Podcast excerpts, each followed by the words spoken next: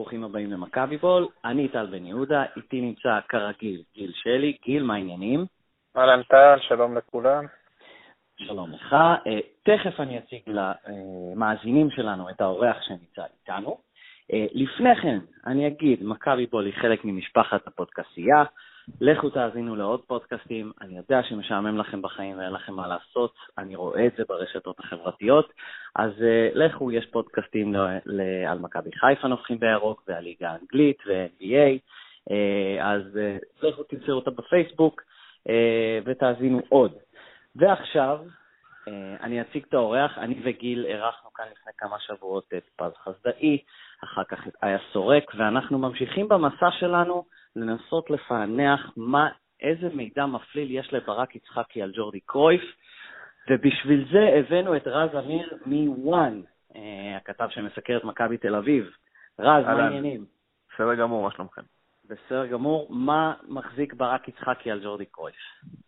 מחזיק אה, רזומה של שחקן שהפקיע הרבה שערים, וג'ורדי אוהב אותו, מחזיק ממנו כשחקן, מחזיק ממנו כאישיות uh, בחדר הלבשה, וממשיך לתת לו קרדיט. אני, מבחינה של, uh, אני מבין לאן אתה חותר, uh, לא מערער על מה שאתם אומרים, אבל, כן. אבל זה המצב.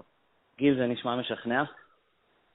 אני, כשכתבתי השבוע את הסיבות שאני מעריך שג'ורדי מרכיב את ברק יצחקי וניסיתי לעשות את זה ברצינות, אז uh, הערכתי שיש סיבות לכך, אבל uh, ברק יצחקי של השנה עדיין לא הוכיח שהוא שווה מקום בהרכב, וג'ורדי ניסה אותו יותר מפעם אחת בהרכב.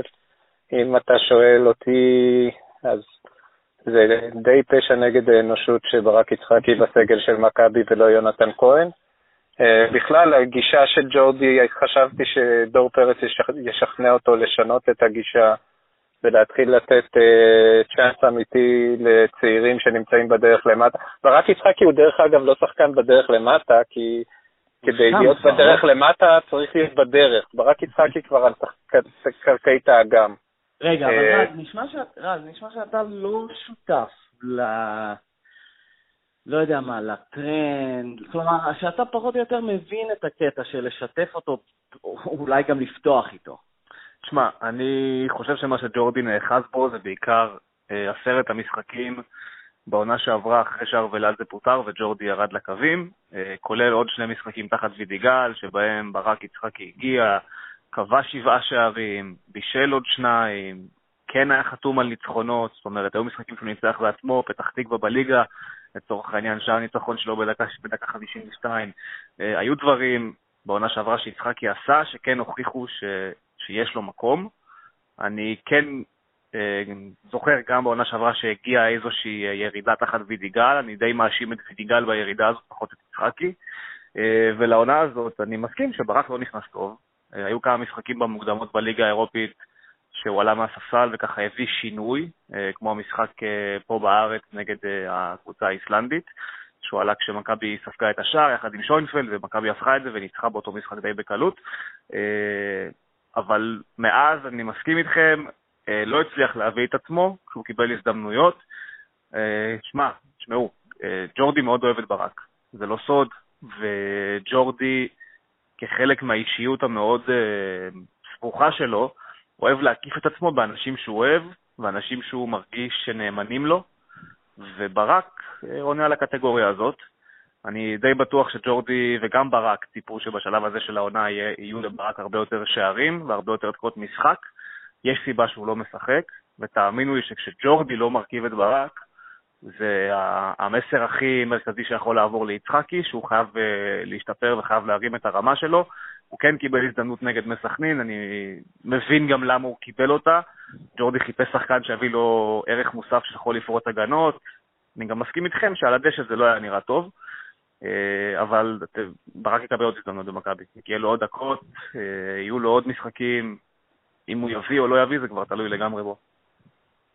אני רוצה להכניס פה את גל אלברמן למשוואה, כי גל אלברמן, זה, זה מה, שהיה, מה שהיה עם גל אלברמן זה דוגמה לנזק שהנוכחות של ברק יצחקי באמת גורם, הנוכחות הזאת, הנזק ש, שנגרם בסגל שלנו.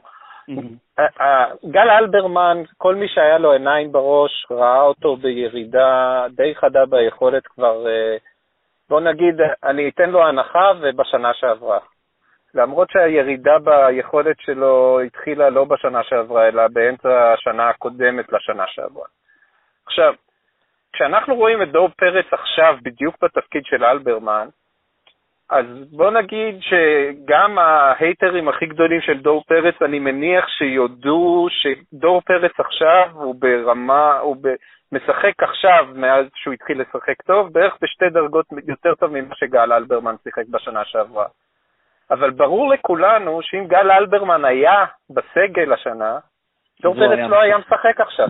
כן. גל אלברמן היה משחק ביכולת שבה הוא משחק בחיפה.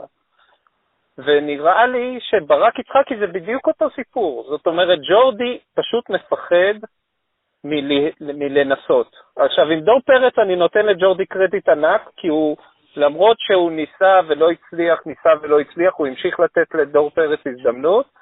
כנראה גם כתוצאה מקונסטלציה מסוימת שהוא לא הצליח להביא את השש, או את, הוא לא הצליח קודם כל לממש את השיטה שהוא פינטז, שזה בכלל בלי קשר אחורי אחד, אלא שניים שעומדים במקביל, וזה הלך, אה, התפוצץ לו בפרצוף.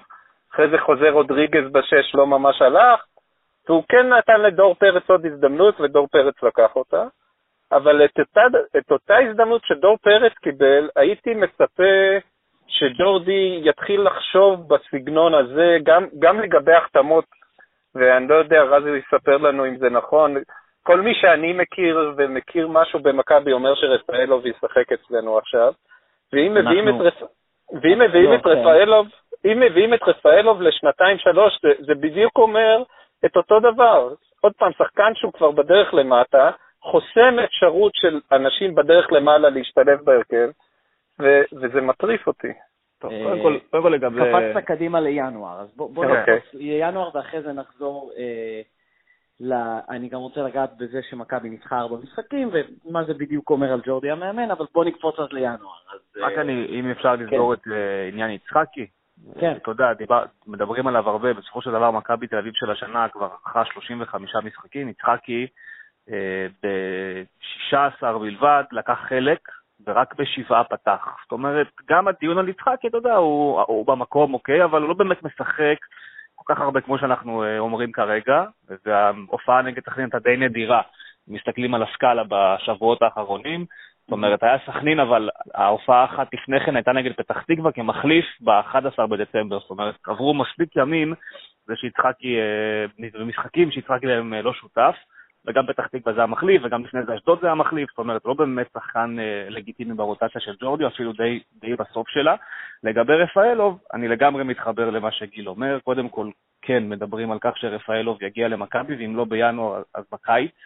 אה, חיפה לא רוצה אותו, זה לא הסכומים שחיפה מוכנה לשלם תחת הניהול השפוי של ינקלה שחר, אה, במרכאות כמובן, אבל היא לא רוצה להביא את אה, רפאלוב. מכבי מבחינתה, ופה אני ככה אולי ככה ידליק כמה אוהדי מכבי, אם היא תביא את ליאור רפאלוב, זה כי השחקן שאתם המלכתם הוא זה שמנגן על רפאלוב כבר כמה וכמה שנים טובות, וג'ורדי מקשיב לו, וזה ערן זהבי, והוא זה שלוחץ להביא את רפאלוב, הוא לחץ כשהוא היה שחקן מכבי תל אביב. אני מניח שהלחץ הזה די יושב לג'ורדי עדיין בראש. אה, ג'ורדי לא באמת, לדעתי, ראה את רפאלוב משחק בשנתיים האחרונות, כי הוא פשוט לא שיחק. אה, סקאלת ההופעות שלו היא מאוד מאוד נמוכה, יותר בילה אה, בטיפולים מאשר על כר הדשא בקלאב ברוז'. העונה זה כמובן השיא, אבל גם עונה שעברה, אה, דקות מאוד מאוד מוגבלות, בוא נאמר ש-60% מהמשחקים הוא שיחק, אבל גם לא בכולם כשחקן הרכב. אז יש פה בעייתיות, שזה עוד שחקן שהוא גם לא יציב, גם פציע, אבל הולכים להביא אותו כי יש, איזושהי, יש איזשהו בלון שנופח סביבו, גם בעזרת מספר 7 לשעבר. ולצערי ג'ורדי מקשיב לו. אז ממה שאני שומע ממך זה פחות או יותר הוא האופציה אני לא יודע אם היחידה, אבל העיקרית בארץ, וזה פשוט עניין של, זה לא שאלה של אה, האם, אלא מתי, מתי, בינואר או בקיץ.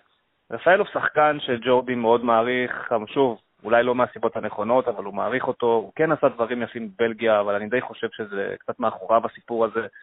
אה, אני כן מתחבר לדברים שגיל אמר לגבי מה זה יהיה להביא את רפאלוב למכבי תל אביב, לתפוס מקום של שחקן שאולי יכול לתת יותר, צעיר יותר כמובן, אבל כן, רפאלוב זה שידוך עם מכבי שנועד לקרות. אני לא רואה מי שהיא באה ולוקחת אותו, והדברים שיצאו ממכבי חיפה בימים האחרונים לגבי רפאלוב הם די ברורים. אני כן רואה את רפאלוב לא מגיע בינואר, אני כן רואה אותו מגיע בקיץ. אז גיל, אני בטוח שמח מזה. אם כבר אנחנו ינואר, אה, אתה בן אדם, נראה לי, לשאול על טל בן חיים. כן. שוב, איזה סיכויים הוא שהוא חוזר לארץ בינואר, או בקיץ, או בכלל לא בשני המועד, המועדים האלה? ומה הסיכויים שנראה אותו שוב במכבי תל אביב ולא בקבוצה אחרת? אוקיי. ממה שאני יודע, טל בן חיים לא חוזר למכבי בינואר. טל בן חיים נשאר בצ'כיה עד לסיום העונה. הקונסטלציה היחידה שיכולה להוליד איזושהי סיטואציה שבה בן חיים חוזר לישראל, זה אם נשיא ספרטה פראג יבוא ויגיד לו, תלך מכאן, תיקח את כל החוזה שלך ו- ותעשה מה שאתה רוצה. אה, אני לא רואה את זה קורה, הוא עלה להם הרבה מאוד כסף, הוא מרוויח הרבה מאוד כסף, זה חוזה שמאוד בעייתי להיפטר ממנו. אה, אני כן יודע שטל אה, באיזשהו מקום יוצא עכשיו לשבועיים, שבהם הוא ככה חוזר להתאמן עם ספרטה. אה, לקראת אה, חידוש הליגה הצ'כית, שהייתה בפגרה, בעיצומה של פגרה בת חודש. אה, כן יש דיבורים על כך שמאמן ספרטה, אנדרס טרמצ'יוני, הולך הביתה אם הוא מפסיד את שני המשחקים הקרובים. כאשר חוזרים מהפגרה, יכול מאוד להיות שחילוף מאמנים יעשה משהו טוב לבן חיים, mm-hmm. כן יפתח לו דקות משחק חדשות, אני לא יודע אם זה יקרה. באר שבע גיששה, מכבי גיששה, שתיהן בדקו, שתיהן שמעו את אותה התשובה, שאם רוצים אותו צריך לשלם בהמון. אה, ושתיהן ירדו מהדבר הזה. אה, מכבי עוד הרבה לפני באר שבע. אם בן חיים יחזור, שוב, כמו רפאלוב, זה לדעתי יכול לקרות רק בקיץ. אני לא רואה אותו חוזר לקבוצה שהיא לא מכבי תל אביב, עם כל הכבוד להפועל באר שבע. אה, אם זה יקרה באמת בקיץ, לדעתי לא. אני זוכר מה טל אמר לי ממש ביום שהוא חתם בספרטה, על זה שהוא לא רוצה להיות הישראלי שחוזר עם הזנב בין הרגליים ומוותר אחרי שנה אחת. אני כן רואה אותו נלחם ומחפש לעצמו יעד אחר באירופה, בין אם זה לא יהיה ספרטה, יעד אחר בקבוצה אחרת באירופה. יהיו לו, יהיו לו קבוצות, זה לא שלא, יהיו לו, גם היו לפני זה. הוא הלך לספרטה פראג, כי באמת בנו שם משהו שעל הנייר היה אמור להיות טוב וזה לא הצליח. אני כן רואה אותו נותן עוד ניסיון, לא פוסל בכלל את האפשרות שהוא גם, אה, כמו חברו הטוב ערן זהבי, יקבל איזושהי הצעה מסין ואולי ילך לשם. גיל, אז זה, זה פיצה על התשובה על רפאלוב או שזה גם... אה, זה לא החוד שלך. דרך אגב, אם הייתי צריך לבחור בין להחזיר את טל ללהביא את רפאלוב, הייתי מחזיר את טל שלוש-ארבע פעמים לפני זה, כן? לי טל בן חיים לא הפריע במכבי. יצא לי הרי, אם אתה זוכר, יצא לי לחזור עם הנבחרת בטיסה הזאת משוויץ לישראל, ושמעתי את טל בן חיים מדבר עם אורי אוזן קצת על מה שקורה לו בצ'כיה. אז הוא דיבר באמת הרבה על העניין הזה שהקצב של האימונים שם והקצב של המשחקים שם זה משהו שאי אפשר בכלל להשוות לארץ, וגם הפיזיות אי אפשר להשוות לארץ. ודווקא התרשמתי, באמת, כמו שרז אומר, ש... שטל דווקא לוקח את זה כאתגר, ואני לא בטוח שהוא נשבר כל כך מהר כמו שאנחנו חושבים שהוא, ש... שהוא נשבר. אה, ויש מצב, אה, תלוי בקונסטלציה, ש... שמע, כישרון יש לבן אדם הזה, אה, מהירות יש לו. אם אה, באמת תיווצר קונסטלציה והוא יקבל עוד הזדמנות בספרטה פראגה, אני לא שואל את האפשרות שהוא יצליח בקונסטלציה הזאת. כן, החילופי המאמנים אה, זה בדרך כלל משהו שמשפיע על, על, שחק... על בכלל, על שחקנים ותמיד על, על זרים. אז רז, אז רפאלוב לא, טל בן חיים לא. מה צפ... מה אנחנו צפויים לראות, או מה ג'ורדי בכלל מחפש, והאם זה שוב זה יהיה ביום האחרון, כי זרים לא מגיעים בתחילת החלון, אלא בשש שעות האחרונות שלו. קודם כל, השנה, באדיבות המנהלת והתאחדות לכדורגל, סיפקו עוד תירוץ לג'ורדי, שזה יפה. אה, לסל התירוצים מצטרף, לא ידעתי מתי אפשר להביא זר שישי, כי עוד לא החליטו אם בעונה הבאה יש זר שישי, וכשהחליטו כבר היה מאוחר מדי כדי להביא את אותו שחקן זר. אז אם אתם מחפשים תירוץ, הנה הוא לפניכם, זה כנראה משהו שתשמעו אותו, אם באמת לא תבוא אותו שחקן זר שאתם אה, מפנטזים עליו.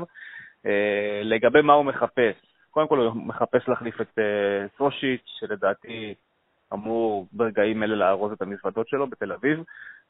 סרושיץ' בחוץ, איגור פיליפנקה כנראה הולך החוצה, כנראה ממסמך אשדוד בהשאלה, ככה קו אה, היחסים ככה עם אשדוד שמתחמם לו אה, בשבועות האחרונים.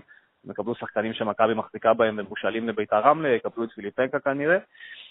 בטוקיו, כמו שאני רואה את זה כרגע, לא הולך להיות מוחלף, בעיקר כי הוא מחזיק בחוזה, בניגוד לסושיץ' שהוא שחקן שמושאל ואתה יכול להחזיר אותו לגנק.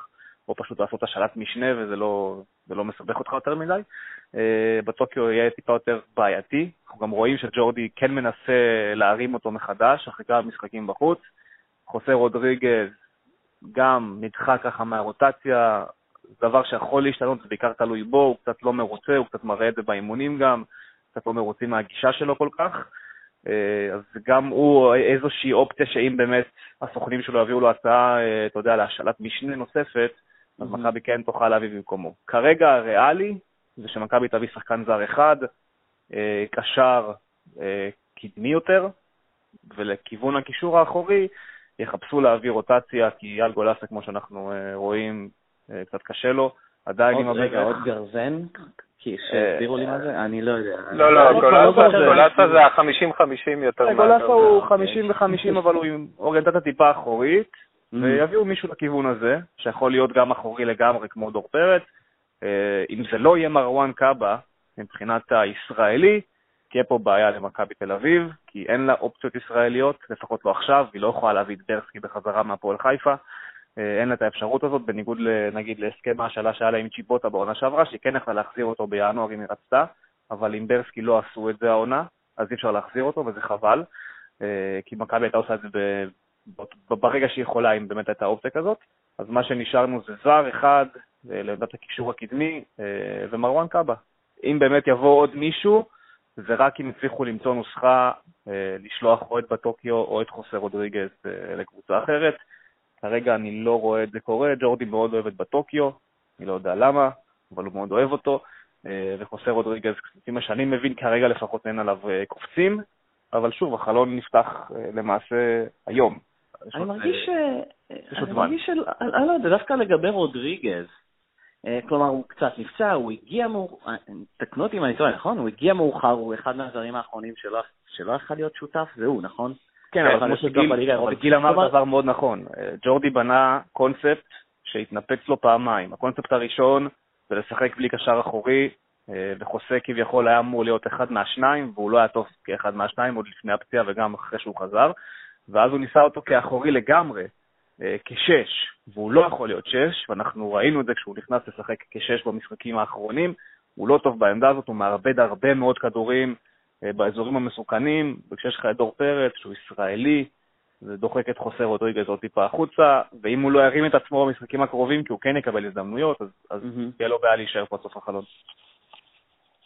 אוקיי, okay, אז אה, עוד אם כבר שוב אנחנו בנושא החתמות ולא יודע מה, מלפפונים וכולי. דרך אגב, אני רוצה כן. להגיד שבחלון הזה, בניגוד לפעמים הקודמות, לי אין שום ציפיות שיחתימו פה איזה משהו שישנה לנו את העונה. אני גם לא חושב, אה, ההחתמה הכי טובה שלנו זה הפציעה של ויטור, זו החתמה ממש אה, מעולה של מכבי.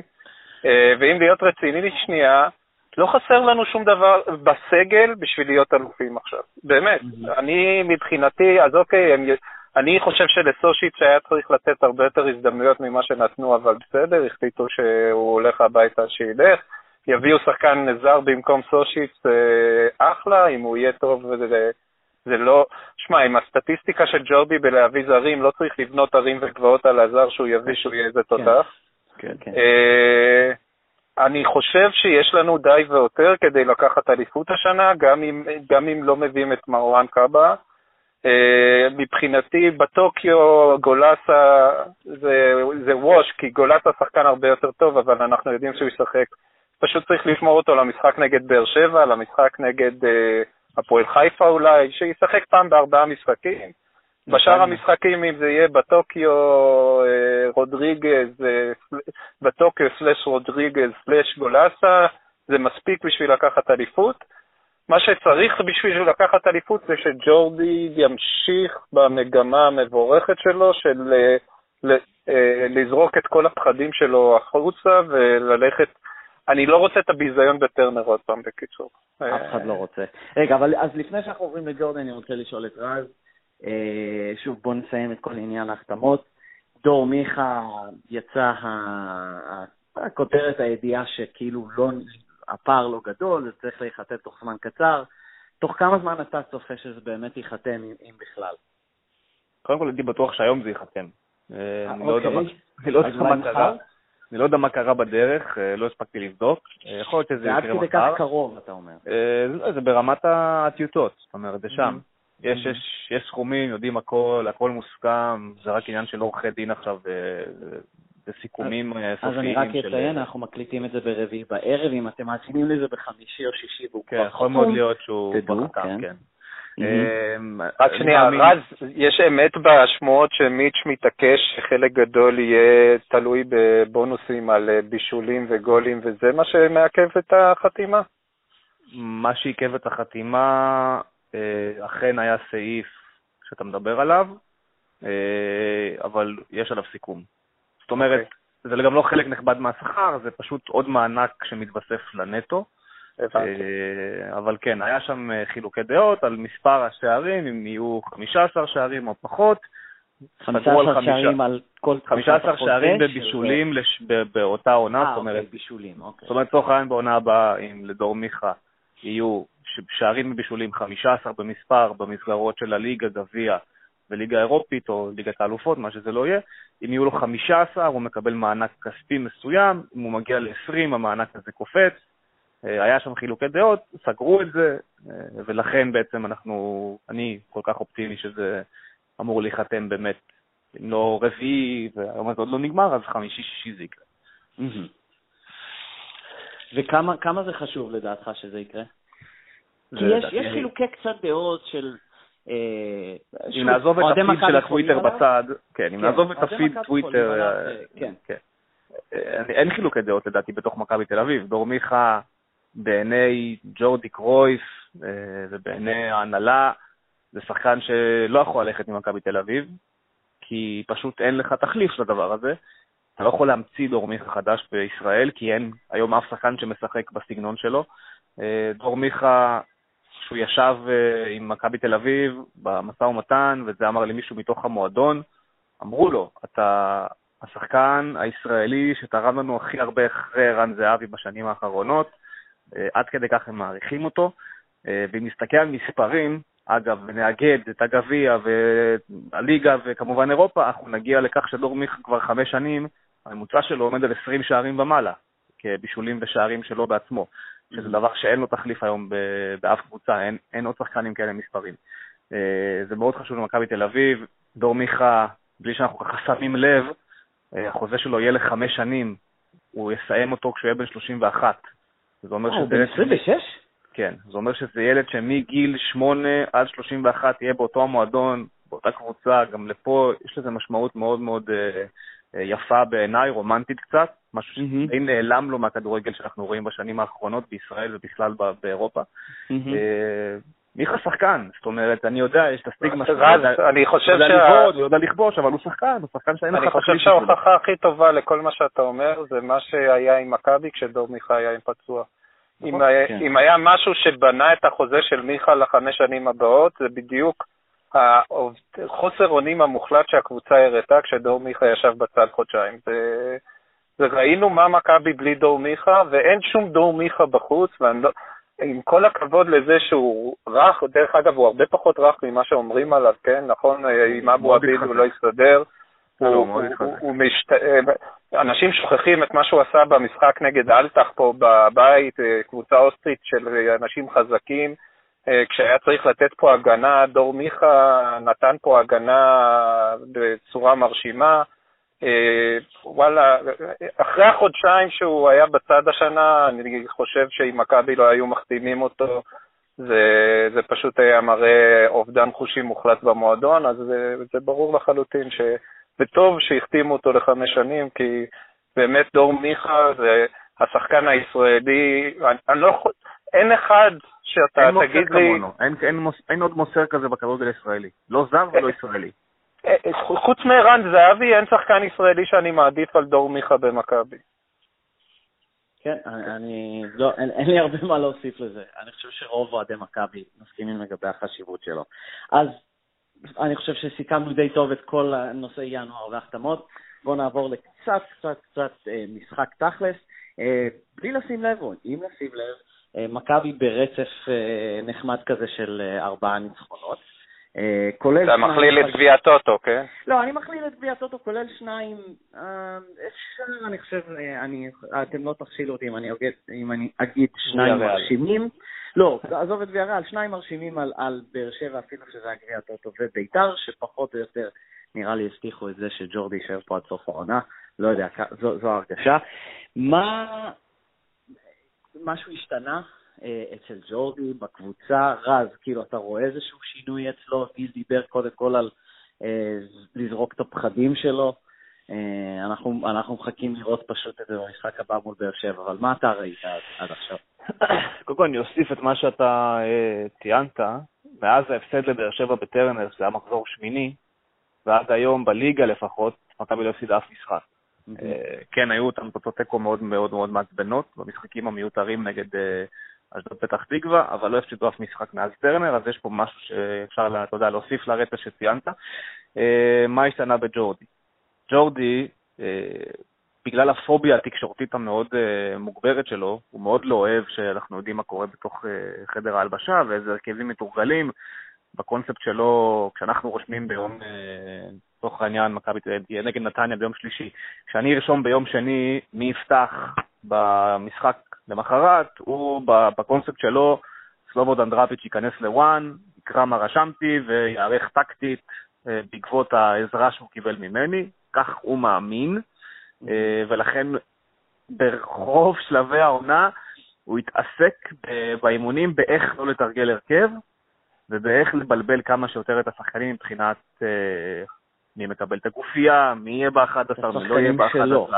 כן, שחקנים שלו. Mm-hmm. כדי שאנחנו לא נדע באמת מה ההרכב. אה, אם זה עבד לו, לא, זה לא עבד לו. Mm-hmm.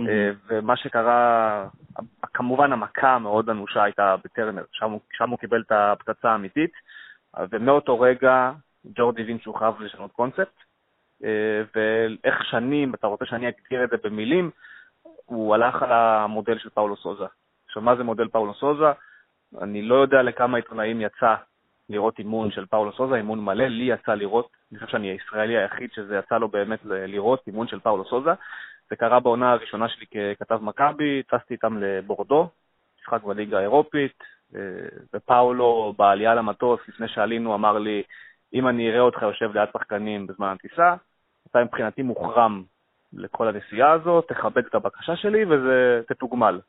ואני הייתי מאוד חדש, מאוד פחדתי באותו רגע, לא, אתה יודע, לא ידעתי מה לעשות כך עם עצמי באותה, באותם רגעים, אז כיבדתי את הבקשה, אה, ישבתי בכיס שלי כל הטיסה לצרפת, נחתנו בצרפת, הגיע אליי הדובר עופר רונן, אמר לי, פאולו אומר שהוא אה, ראה שכיבדת את הבקשה שלו, וכתוצאה מכך אתה תוכל להיכנס לאימון המסכם מחר אה, ולראות את כולו.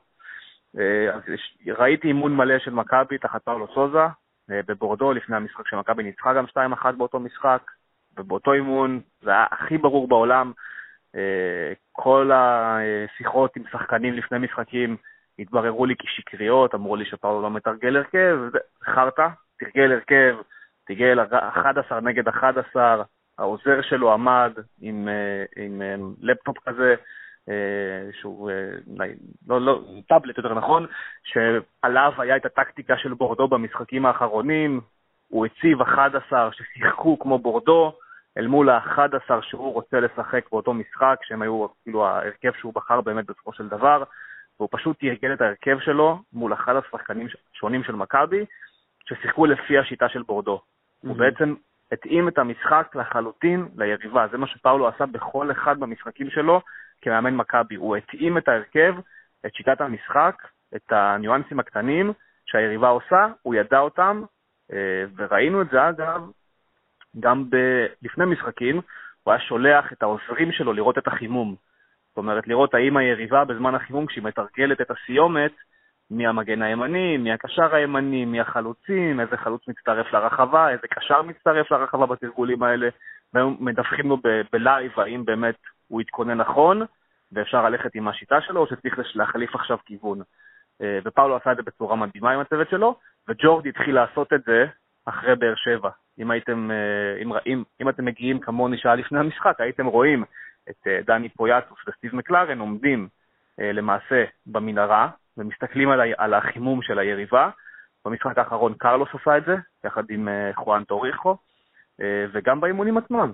ג'ורדי מתרגל 11 על 11, הוא משנה גופיות, הוא משנה את השחקנים, הוא עדיין שומר על, ה, על הספק הזה לגבי מי יפתח ומי לא יפתח, אבל הוא מתרגל 11 נגד 11, וה-11 החלשים יותר במרכאות מדמים לחלוטין את היריבה. זאת אומרת, לקראת המשחק נגד באר שבע, הוא הציב 11 שחקנים שמשחקים לפי השיטה שבה הוא האמין שברק בכר יפתח. Mm-hmm. לא סתם מכבי השתפרה כמו שהיא השתפרה, כשאתה יודע, כשאתה בא למשחק בידיעה איך היריב שלך הולך להתנהג, אתה מרגיש הרבה יותר בטוח במשחק שלך, של עצמך. ככה אני רואה את זה לפחות. ואם אתם מחפשים שינוי, אז, אז זה השינוי המרכזי ש, שג'ורדי עשה.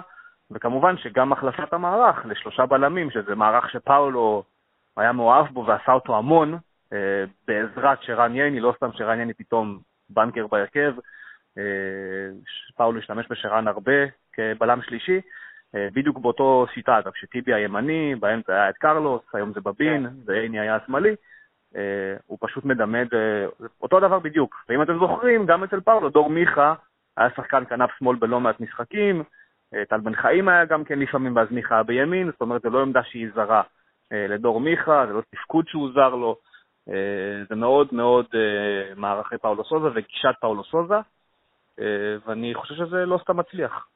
אבל אם יורשה לי, כן. אני חושב שהשינוי, ג'ורדי, וראינו את זה לרעה במשחק בטרנר, ג'ורדי תמיד האמין בלהתאים את הקבוצה שלו ליריבה. מה ששונה מאז המשחק בטרנר, זה שהוא מתאים את המשחק ליריבה מתוך הקונספט הבסיסי שלו, ולא כמו הפאניקה בטרנר שברק עשה מוב, ג'ורדי מיד הגיב. ברק עשה מוב, נכון. ג'ורדי מיד הגיב. וזה מה שפאולו סוזה היה גדול בו. זאת אומרת, פאולו סוזה היו לו שני מערכים פשוטים, שני מערכים שהוא שיחק איתם, או השלושה בלמים או ה-4-3-3, והוא היה מגיע עם הבסיס שלו מותאם ליריבה, וחושב בהחלט על, מתוך עמדת כוח, איך אני מפתיע את היריבה כשאני מכין את עצמי ליריבה. ג'ורדי, במשח...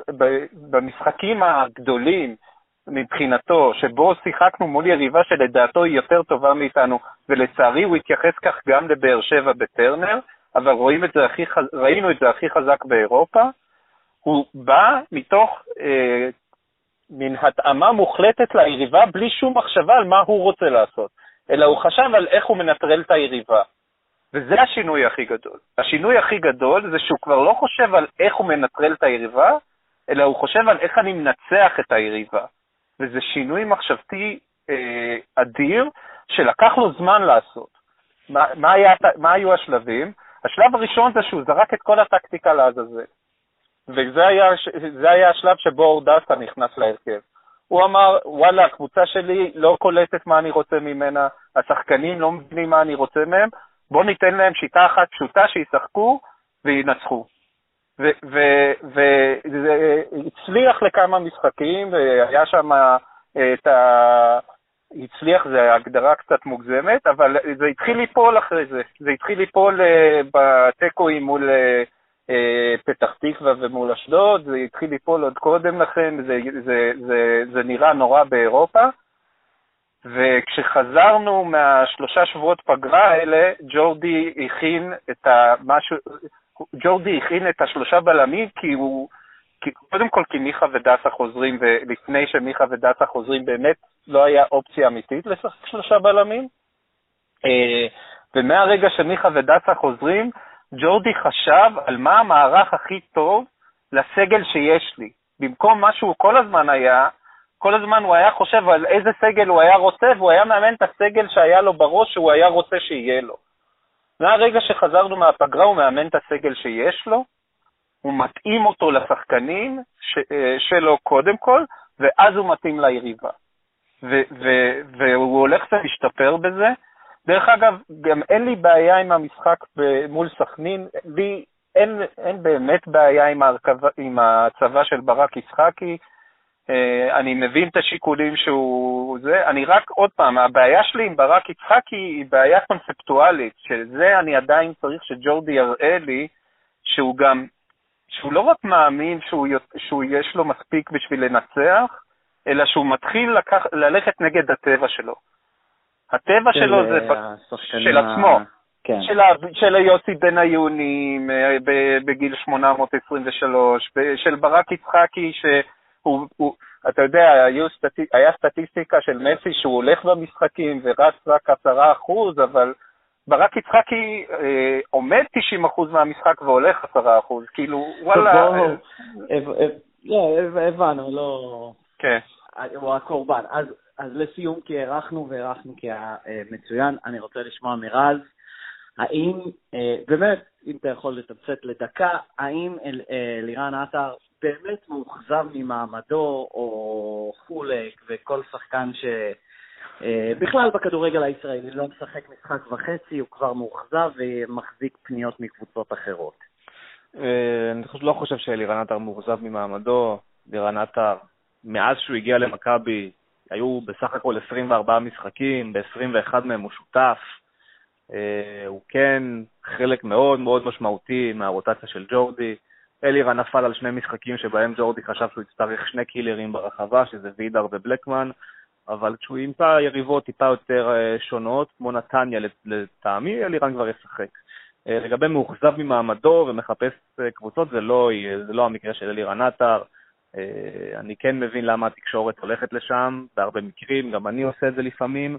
אה, אין מה לעשות, יש פה יחסי גומלין, אנחנו עובדים הרבה עם סוכני שחקנים, לפעמים זה מגיע משם, הסוכן אה, מפמפם את החוסר שביעות רצון בשביל אה, תקווה שאולי המאמן יקרא ויקשיב וייתן לשחקן יותר דקות משחק. אני לא חושב שאצל אלירן עטר זה המקרה, גם ג'ורדי דיבר עליו מאוד יפה אחרי המשחק בסכנין, אלירן עוד ישחק הרבה אצל מכבי והרבה אצל ג'ורדי, הוא נלחם עליו כנגד כולם בשביל להביא אותו.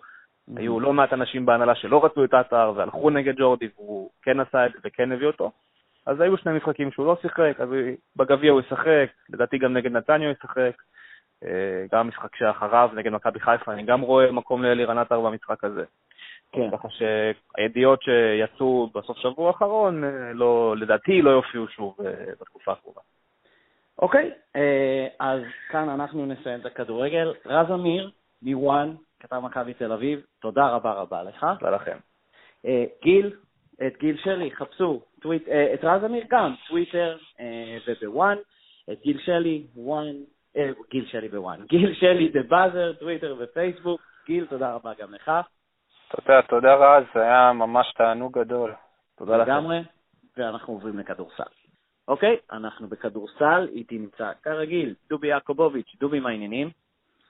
בסדר, בסדר. בסדר. כן, אה, אני עכשיו צריך להחליף פאזה אחרי השיחה אה, המעניינת הזאת עם רז אמיר, אני צריך אה, להיכנס שוב לעצבים ש... ש... ש...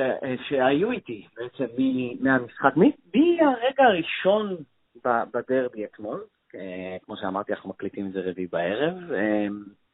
שניכנס לזה, אתה רוצה לפתוח או שאני אפתח על הדרבי? השני, השני, הראשון כבר שכחתי, אני, אני חם, אה, בוא, בוא, אני אפתח באיזשהו פרולוג, אני חושב שזה פרולוג ההקדמה, נכון? לא אפילוג, אני תמיד מתבלבל ביניהם.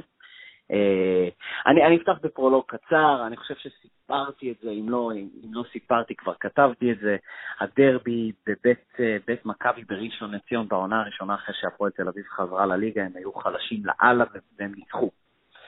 ובשביל המון אוהדים אולד סקול זה היה סוג של קו פרשת מים או משהו כזה, אני, אבא שלי אחד מהם, חבר טוב שלו גם, מנוי מ... לא יודע מה, משנות ה-70, אותו כיסא בהיכל, לא באו לראות יותר את מכבי באותה עונה, ואני סוג של צחקתי, לעגתי, לא הבנתי אותם. כי אמרתי, חבר'ה, קורה, כלומר, הייתי הקול הרציונלי הזה. ובכן, הרציונליות הזאת נזרקה לפח, אני עצבני רצח על ההפסד אתמול. מכבי תל אביב לא הייתה צריכה להפסיד אתמול, ולא אכפת לי שהם הפסידו במשחק שהיה מותר להפסיד בניגוד לגביע ביום ראשון. ולא אכפת לי שהאליפות מוכרעת בפיינל פור בסוף העונה, ולהפסד הזה אין משמעות, ולא אכפת לי שמכבי עדיין יסיימו במקום הראשון בליגה. הם לא היו צריכים להפסיד אתמול, לא דרבי, לא הפועל תל אביב ולא אחרי השבוע האחרון. והסיבה שאני עוד יותר עצבני זה שאני בטוח שאף אחד מהמערכת, לא, לא מהמערכת, זה לא נכון, הסיבה שאני עוד יותר עצבני, שאף אחד מהצוות, לא, סליחה, מהמאמן,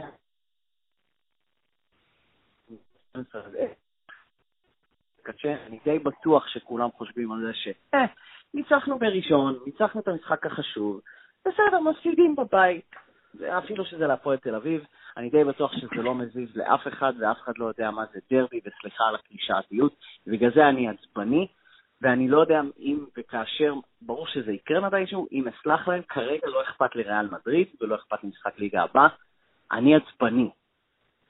נראה לי סיימתי. טוב, אתה יכול... אה, לא, עזוב, אל תירגע. זה בסדר שאתה עצבני. כן. זה בסדר שאתה עצבני.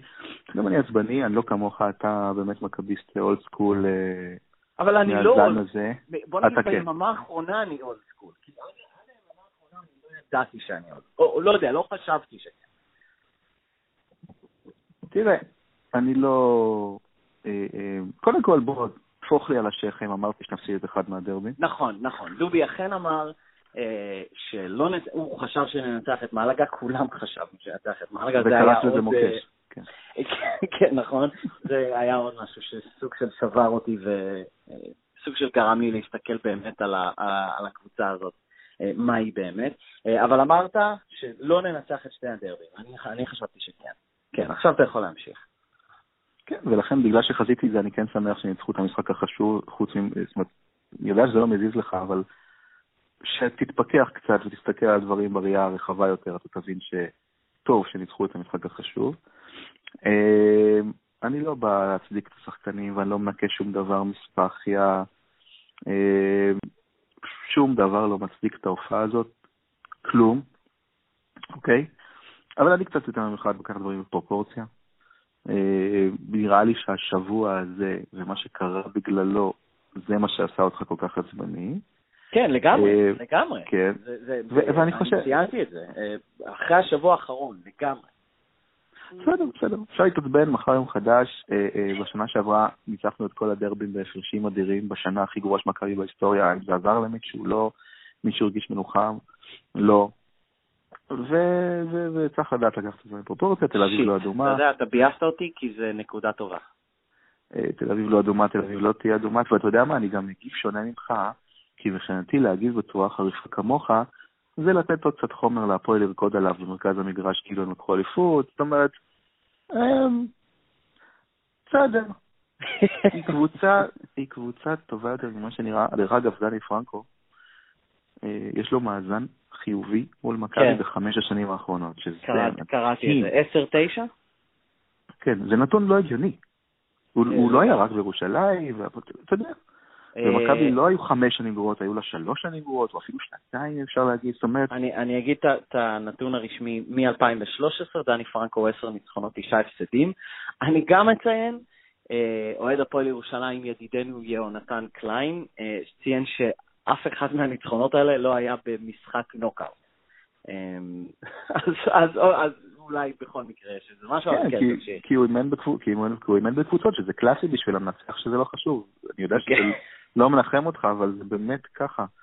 עכשיו, בואו רק נדבר על מכבי. בוא, בוא, אני אשים שנייה את המילה דרבי בצד, למרות שלא צריך, אבל אני Mm. אשים אותה בצד. מכבי בתל אביב היא אה, מתאפיינת בזה שהיא קבוצה חדשה, והיא מתאפיינת בזה שהיא גם קבוצת יורוליג במבנה החדש של היורוליג, שזה אומר, יש סימפטום גם לזה וגם לזה, שזה המון המון עליות וירידות. זה לא רק למכבי קורה, זה קורה לכל הקבוצות שיש להם שני המאפיינים האלה, אתה יכול לראות את ברצלונה, מה שקורה שם, אתה יכול לראות את, אה, אפילו את ריאל מדריד, אתה יכול לראות מה קורה לפנרבכצ'ה שאיבדו כמה שחקנים.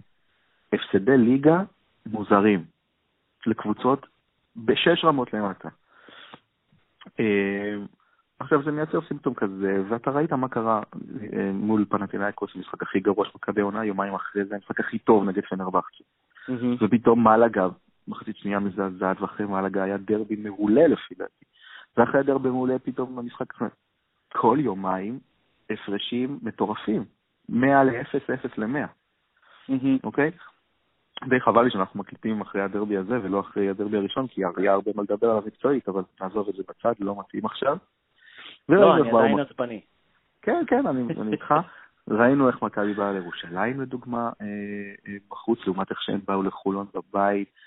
זאת אומרת, אה, העליות וירידות האלה, לפי דעתי, נובעות מעבר לעובדה שזו קבוצה חדשה והעומס וזה, נובעות גם ממה השחקנים, איך הם באים למשחק, מה הם מבינים על המשחק, דיברת על זה בהתחלה, מה הם מבינים על המשחק, מה הם חושבים על המשחק, אתה, האם אתה להם? ציינת את זה בקטנה, ש... זה, אני חושב, לא, אתה ציינת את זה, כן, אני חושב, בשיחות בינינו, וזה די הגיוני שאתה מנצח את הפועל תל אביב אצלה בבית במשחק נוקאוט, כלומר, משחק חשוב שבו, להיות או לחדול בשביל שתי הקבוצות, ואתה פוגש אותם יומיים אחר כך אצלך בבית בליגה, אני חושב שאתה גם מסיק שזה יהיה לך אפילו יותר קל, ולא תהיה בעיה, כי הרגע ניצחנו אותם אצלם. בוא נהיה יותר חריף. כן. בוא, מה זה מסיק? אתה מזלזל. Mm-hmm. אתה ניצחת אותם בקלות בבית שלהם, עם אווירה קשה מאוד, אחרי, ש... אחרי שטחנו לך כנראה בשכל, בגלל שזה משחק נוחות, שזה משחק מס וזה יריבה קשה ועולם קשה, והנה באת והלכת שם. אה, ואז אתה מגיע למשחק שאתה יודע שהוא פחות חשוב, שאתה יודע שהוא בבית שלך, שאתה יודע שהקהל יעשה את העבודה בשבילך, שאתה יודע שהיריב שלך רע, שחסר לו שחקן, וככה אתה עולה. וכמה פה דיברנו על פתיחת משחקים. עכשיו, פתיחת משחק של מכבי תל אביב, אתה יכול לזהות לפי פתיחת המשחק איך היא באה. כן, לגמרי. פתחה את המשחק נגד פנרבכצ'ה ב-17-3, הבנת איך היא באה, כשהיא פתחה את המשחק מול הפועל תל אביב, מה זה היה שם? 19-4? הבנת איך היא באה. הבנתי איך היא באה, ואני הבנתי לפחות אה, מה הולך להיות המשחק. כלומר, אה, שזה הולך להיות אנחנו נרדוף אחריהם הרוב, וגם אם נוביל זה לא... זה, זה, זה נראה רק כמו שאתה אומר, כאילו, אתה מבין מהפתיחה, לגמרי היה מובן סוג הערב נכון. שאנחנו הולכים לעבור, וגם לא כשהובלנו בארבע הפרש, בפעם האחרונה אני חושב שהובלנו, זה היה ארבע הפרש הכי גדול, משהו ג'יאג'יה, שום דבר לא זרם באף שלב בערב. נכון, כי זה עניין של ביטחון. כשקבוצה פותחת משחק ב-4-19, הביטחון של הקבוצה השנייה בשמיים, הביטחון שלך ברצפה, וזה משפיע לאורך כל המשחק, כי, כי, כי בראש הדברים משתבשים לך, הרי זה לא היה אמור לקרות. עכשיו, מעבר לזה, למכבי יש בעיה שהיא נכנסת ללחץ, שהיא בפיגור, וזה קורה לה בעיקר בבית ובעיקר בליגה. זאת אומרת, כשהיא משחקת, היא כאילו מתאימה את עצמה ליריבה. כשהיא באה מול פנרבכט של ריאל מדריד, היא מעלה את הרמה שלה, ופתאום הביטחון שלה בשמיים, והיא לא נדחצת מפיגורים, כי היא יודעת ש... שאולי זה המקום שלה. Mm-hmm. אבל כשמובילים הבעיה בבית בהפרש דו-ספרתי, אז פתאום הכל נהיה לחוץ, ההתקפות אה, רועדות הידיים, ניגודי כדור מצחיקים, והקהל מלחיץ. אז כאילו, זה, אתה יודע, זה, זה, זה מין, היה מין lose-lose situation של, של אתמול.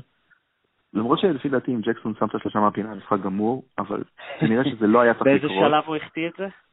היה ארבע שלמה. ארבע הפרש, חמש עשרה של מכבי יכול להיות, או 4 הפרש מכבי, שלושה במתפרצת, חופשית מהפינה. כן.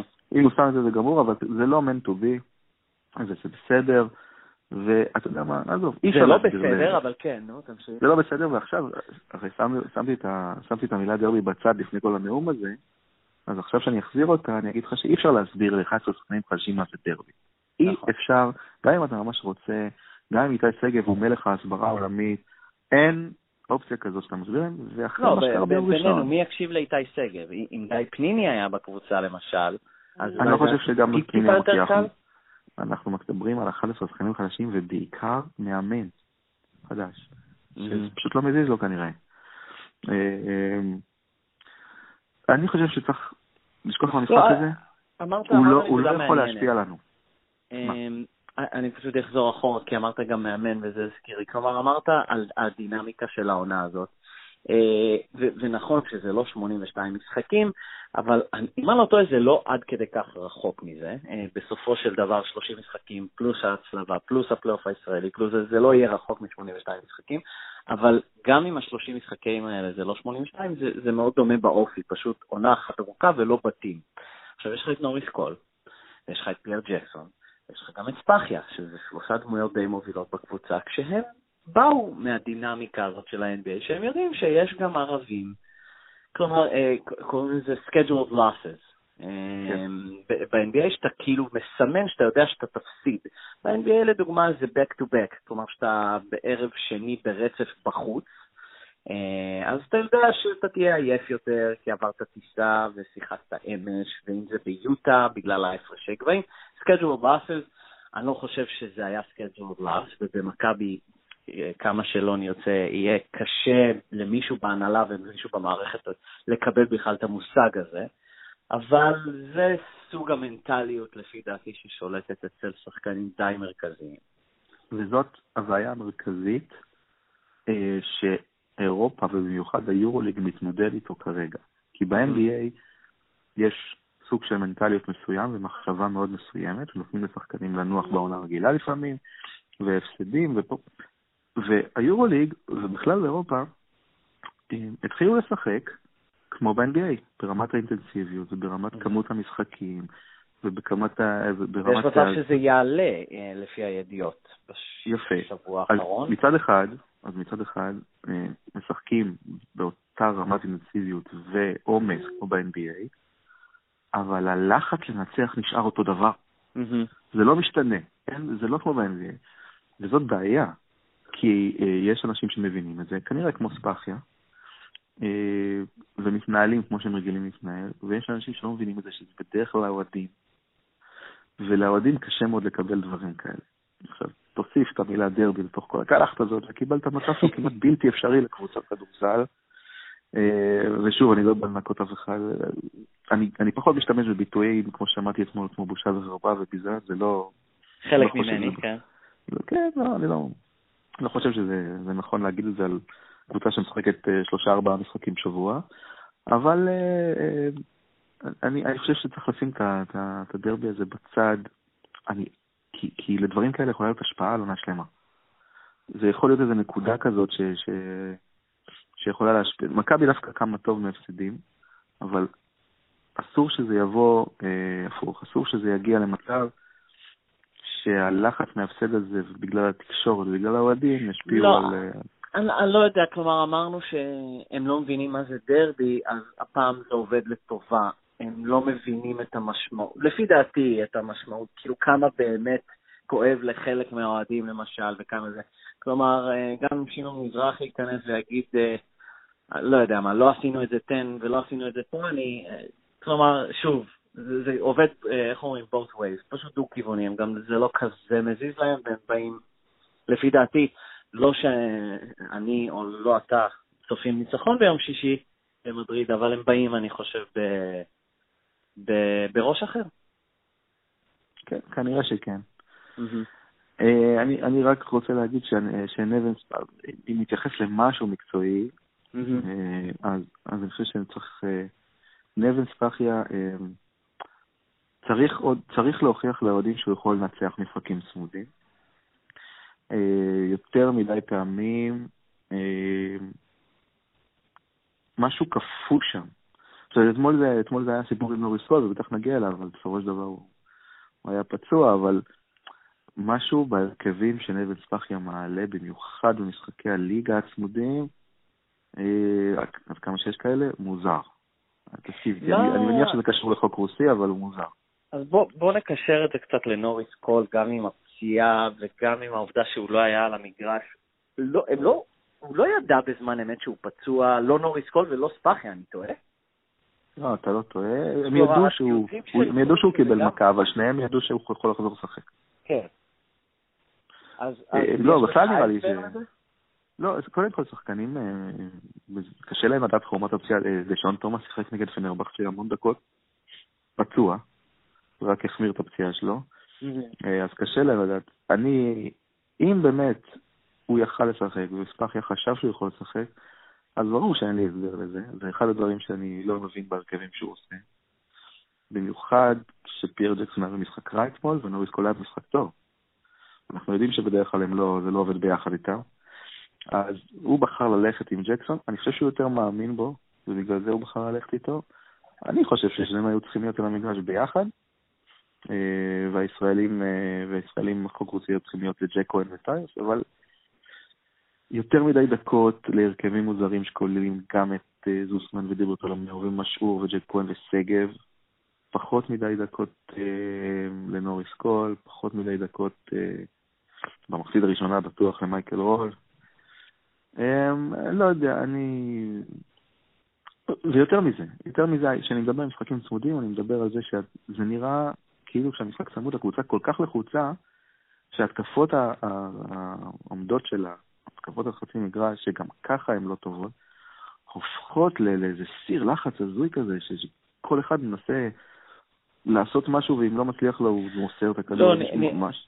קודם כל כן, אני מסכים איתך לחלוטין, קל לראות את זה. יש הרגשה, ואולי בעצם אני קצת עונה לשאלה שלי לפני זה, למה נוריס קולו שיחק, שבמשחקים הצמודים, כשההתקפה היא תקועה, וכולם לחוצים וכולם, אה, אף אחד לא יודע מה לעשות, ופוחדים וכולי, פייר ג'קסון הוא היחיד שבאמת מסוגל לייצר. אה, מבלי כאילו לקבל את הכדור עם שלוש שניות על השעון ולהעיף זריקת אה, ייאוש שפוגעת בקרש. כלומר, הוא זה שיכול לחדור, הוא זה שיחדור וימצא מישהו פנוי. לגמרי, אולי. זה קשור לזה.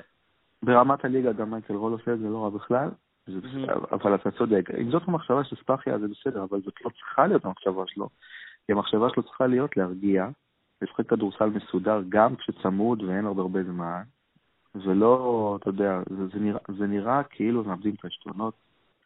אה, ואני מדבר על במיוחד כשהם משחקים מול קבוצות שהן על הנייר נחותות, כי אז מגיע הלחץ. כשמשחקים מול אה, ונרבכצ'ה, אז, אז אה, זה נראה אחרת, אני לא יודע איך להסביר את זה, מעלים את הרמה שלהם. אני רק רוצה לתת לעצמי עוד שיחה על השכם, אתה מוכן? לך על זה. זוכר שדיברנו שבוע שעבר על הרעיון של נוריס קול בערוץ הספורט? ואמרתי לך שרק חדי לא האוזן והעין, נכון. רק הם שמו לב שהוא לא מרוצה מזה שהוא עולה מהספסל והוא לא מקבל מספיק דקות. ואתמול, ברגע שנגמר המשחק, אני מתכתב בוואטסאפ אה, בקבוצה של החבר'ה שלי על מכבי, ואני אומר להם, יש סיכוי שהוא פותח את הפה הלילה. עשר דקות לאחר מכן. בסדרת ציוצים. סדרת ציוצים, שהיה ברור שזה יקרה, זה, מי ששם לב לזה, זה היה ברור. אה, שים בצד את זה שהוא פצוע, בסדר, אה, הוא צודק, אני אומר את זה שוב, הוא צודק, ועכשיו העובדה שהוא פצוע היא בעייתית למכבי תל אביב, אגב, פחות בעייתית מהפציעה של תומאס בעיניי, כי למכבי פחות בעייתית. אה, כי למכבי יש קו אחורי די... אה, מכבי, כן, לא, לא יודע אם להתמודד עם ריאל מדריד, אבל בטח להתמודד עם אלעד ובמברג בשבוע הבא. ו... אה, ואתה יודע מה, גם כדורסל נטו, אה, ההשפעה שלו לקבוצה בעיניי פחותה מזו של דשון תומאס. נוריס קול הוא מסוג השחקנים שכשלא הולך לו בכלל, אז הוא, הוא יכול גם להזיק, כי הוא זה שמקבל את ההחלטות.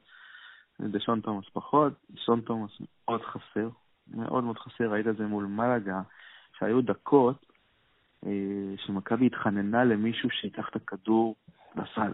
היא התחננה, ש, שלא, שלא פייר, שלא קוראים לו פייר ג'קסון, היא התחננה למישהו שיוכל לעשות סלים במגוון דרכים אחר, אחרות. ולא היה שם אף אחד כזה, בדקות, אה, בדקות גורליות.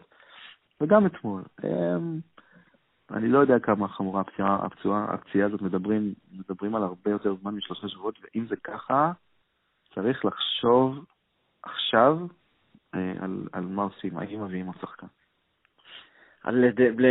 בקטנה להערכתך זה באמת הולך לכיוון הזה? אם דשון תומאס לא, יכול, לא יחזור כמו שצריך ובזמן, ואם הם יודעים את זה עכשיו, אז כן, כן, mm-hmm. כי אתה מגיע לנקודת הרתיחה של העונה, אתה במצב מאוד מאוד מאוד נזיל ביורוליג. הליגה, שוב, פחות רלוונטית, אבל מאוד נזיל כן. ביורוליג, ואתה לא יכול להביא שחקן במחזור ה-20, ועד שהוא ייכנס לעניינים יהיה מחזור 26. זה הזמן, אין מה לעשות. אוקיי, אה, אז בוא, בוא, לא, אני, כן, אני שמעתי שזה קצת יותר חמור ממה שאומרים. אמ, בואו נעבור למדריד. אה, יש איזשהו סיכוי שאנחנו מנצחים שם? כן, כן, בטח. יש סיכוי, לא אומר שזה יקרה, אבל אה, מכבי כמה טוב מהפסדים. מכבי אחרי, אני כבר לא זוכר... רגע, תגיד, אתה שומע? אני רק לא, לא, לא אכפת לי שהמאזינים יקשו. שומעים את הבן שלי בוכה מעבר לדלת או לא? כן, אבל מבינים שזה בגלל הדרבי. אה, אוקיי. לא. לא יודע, כנראה שהיה לו חלום רע, אבל תמשיך, כן. זה לא חלום, תגיד לו, זה הפסדנו. אה, ככה אני הייתי, אגב, אתמול בערב, כן. כן, כן, אני יכול לתאר לעצמי. אה, כן, אז בואו... מכבי כמה. טוב אחרי הפסדים. מכבי כמה טוב אחרי הפסדים, היא ניצחה, היא ניצחה את אה, פנרבכצ'ה אחרי פנאתינייקוס, והיא ניצחה את, אה, אה, חימקי בחוץ אחרי אנאדולו, והיא ניצחה את ז'לגיריס אחרי ברצלונה. כן, אבל הפעם היא בלי נוריס, כאילו, הרגע דיברנו על זה, בלי נוריס קול ובלי תומאס. אה, אני לא חושב שזה משנה. היא כמה טוב זה, אני לא אומר שהיא תנצח, הבעיה שלה זה היריבה. אם מחר היית מתמודד מול אה, אנה ערף ובסקוניה בחוץ, או מילאנו בחוץ, אז הייתי מהמר על ניצחון. ריאל מדריד זאת קבוצה שהיא, מעבר לעובדה שהיא קבוצה עם שופעת כוכבי, היא גם בפורמה מצוינת.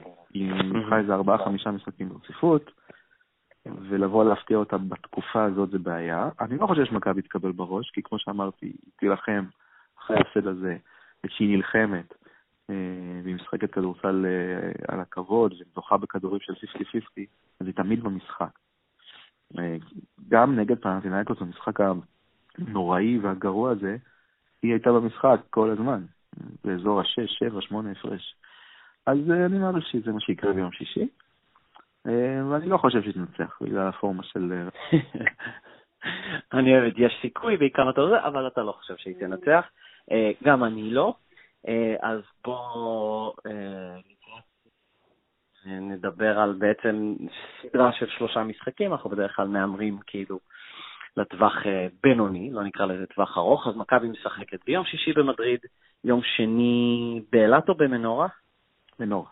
מנורה, ואז ביום חמישי ב... בב- גם במנורה, כן. אה, נכון.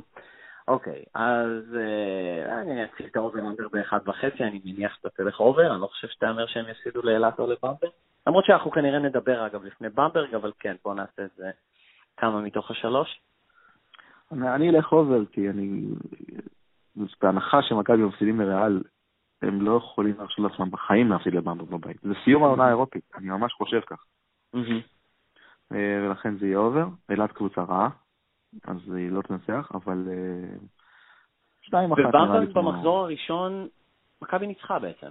זה היה השואו של, אה, נכון, של הבחור. שלנו, של ג'קסון. נכון, נכון. כן. אה, לא, כי חשבתי לרגע שהפסידה, ואז הלכתי לשאול אותך בכמה הפרש צריך לנצח, אבל לא, זה לא המקרה. הפעם האחרונה שבמברג אה, הייתה בהיכל, זה היה 20 הפרש לבמברג. זה זה העונה שעברה? נכון. בגצקיס? אה, בג"ץ, אתה אה, זוכר? בג"צקיס? לא, לא, לא. אה, רמי או- אדר לפי או דעתי. טבק? טבק זה היה שנה שעברה? אני בכלל... לא, לא, טבק זה לפני שנתיים. רמי אדר. לפי דעתי במשחק הזה היה רמי אדר, נראה לי. הבנתי. אה, אוקיי, אני גם אלך על אובר אה, אחד וחצי, אני לא חושב שהיא מכבי, כלומר, כמו שאמרת, אם תפסיד או לאילת או לבמברג, בליגה אין לזה שוב עדיין כל כך הרבה משמעות, אבל זה ממש רע, ולבמברג כן, זה כבר יהיה משמעות. מה שמדהים בהימור הזה, כן. שאנחנו שנינו נהיה צודקים בו, גם אם ננצח במדריד. גם-. על, על ההימור הקודם, רק אה, בוא תסגור קצוות, שנינו טעינו אה, מול מלאגה, אה, ואני טעיתי בדרבים, לא אתה. אה, אז אה, כן, אבל כן, אם ננצח במדריד אני גם לא רואה סיכוי. אה, אם ננצח במדריד, אני יכול לראות את מכבי מפסידה בבית לאילת, לא לבמבר. אה, למה אני לא? לא יודע אפילו למה. אה, לא, לא, לא, כי- היא זה כמו הפנרבכצ'ה לאילת- במלאגה, זה אותו סיפור. לא, אבל יש את אילת. את אילת באמצע, כלומר, אם היא... אני לא רוצה לחשוב כן, על זה. היה את רעננה באמצע. כאילו... אה, כן, נכון. טוב, אוקיי, בסדר. בסדר, אוקיי, אז יש לנו את ההימורים. שוב, אנחנו כנראה נדבר אחרי אילת ולפני במברג. זהו נראה לי, את דובי יעקובוביץ'. אה, תחפשו אותו בפייסבוק, בטוויטר. אותי, טל בן יהודה, טוויטר, פייסבוק ובבאזר, שני טורים שלי בטווח של שלושה ימים. כתבתי גם ביום ראשון על הבכי והנהי של הפועל תל אביב, אה, והיום על האלימות לא רק של הפועל תל אביב, אה, לא, לא שום דבר מקצועי, אלא דברים שמסביב. שני טורים, כן. אולי בגלל זה הילד בוכה. אני שוב, אני בכיתי אתמול אחרי הדרבי. אה, ואבא שלי עדיין לא ישן. אה, זהו, דובי, אז שכחתי משהו. אתה צריך להירגע טיפה, אוקיי, נשים את הדברים מאחוריך, אני בטוח שתסתכל על זה עוד אה, חודשיים ותבכה שוב. אני, אני, אני אגיד ככה, אני לא סלחתי להם, ניצחון במדריד יהיה צעד בכיוון הנכון. אה, וזהו. וואו, קשה אה, לראות אותך. כן, ממש. אה, אז דובי יעקובוביץ', תודה רבה. תודה, סליחה. יאללה מכבי. ביי.